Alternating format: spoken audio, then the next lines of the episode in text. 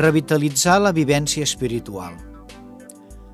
Els membres de l'àrea de l'àmbit celebratiu del Consell Pastoral Diocesà van presentar, a la passada reunió del 22 de maig, una reflexió sobre les fortaleses, debilitats, oportunitats i amenaces de l'àmbit celebratiu a la nostra Església de Tarragona, de cara a fer concrecions en el treball pastoral dels propers anys. Quan a fortaleses, vam adonar-nos que l'àmbit celebratiu és indispensable en la nostra vida espiritual, perquè la fe necessita celebrar, fer festa i trobar-se amb els altres cristians. Disposem de bons espais per portar-ho a terme, a més d'un gran patrimoni musical. També moltes de les nostres celebracions tenen arrels cristianes i la pietat popular, processons, romeries, aplecs, és viva a casa nostra. Pel que fa d'habilitats, veiem que hi ha manca de formació litúrgica, fins i tot entre les persones que participen habitualment a l'Eucaristia, cosa que provoca que la litúrgia no sigui viscuda en profunditat.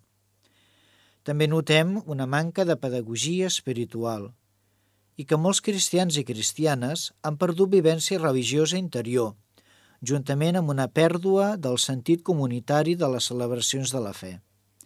Fa falta també un repertori musical més apropiat. Com a oportunitats, hem fet la reflexió que la ignorància i el desconeixement creixent del fet religiós porta algunes persones a la curiositat i a l'apropament. També hi ha una set de trobar sentit a la vida i una recerca de tot allò espiritual. Finalment, les noves tecnologies són una gran oportunitat. Com a amenaces, veiem que l'individualisme actual no convida a la celebració comunitària, així com tampoc hi ajuda la gran mobilitat, sobretot els caps de setmana, que desarrela moltes persones.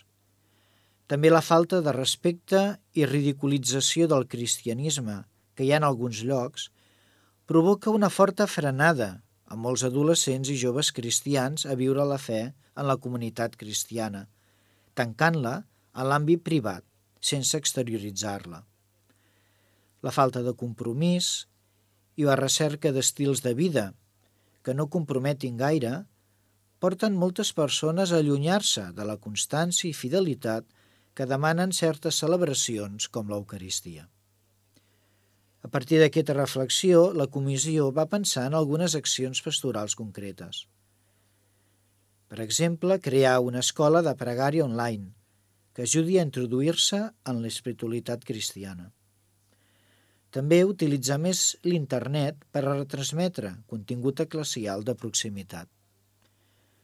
Fomentar les ofertes de la delegació diocesana per a la litúrgia de cara a la formació, tenir cura de la resultat popular, perquè sigui un espai de creixement i maduració en la fe, i finalment fomentar petits grups de música i cors a les comunitats.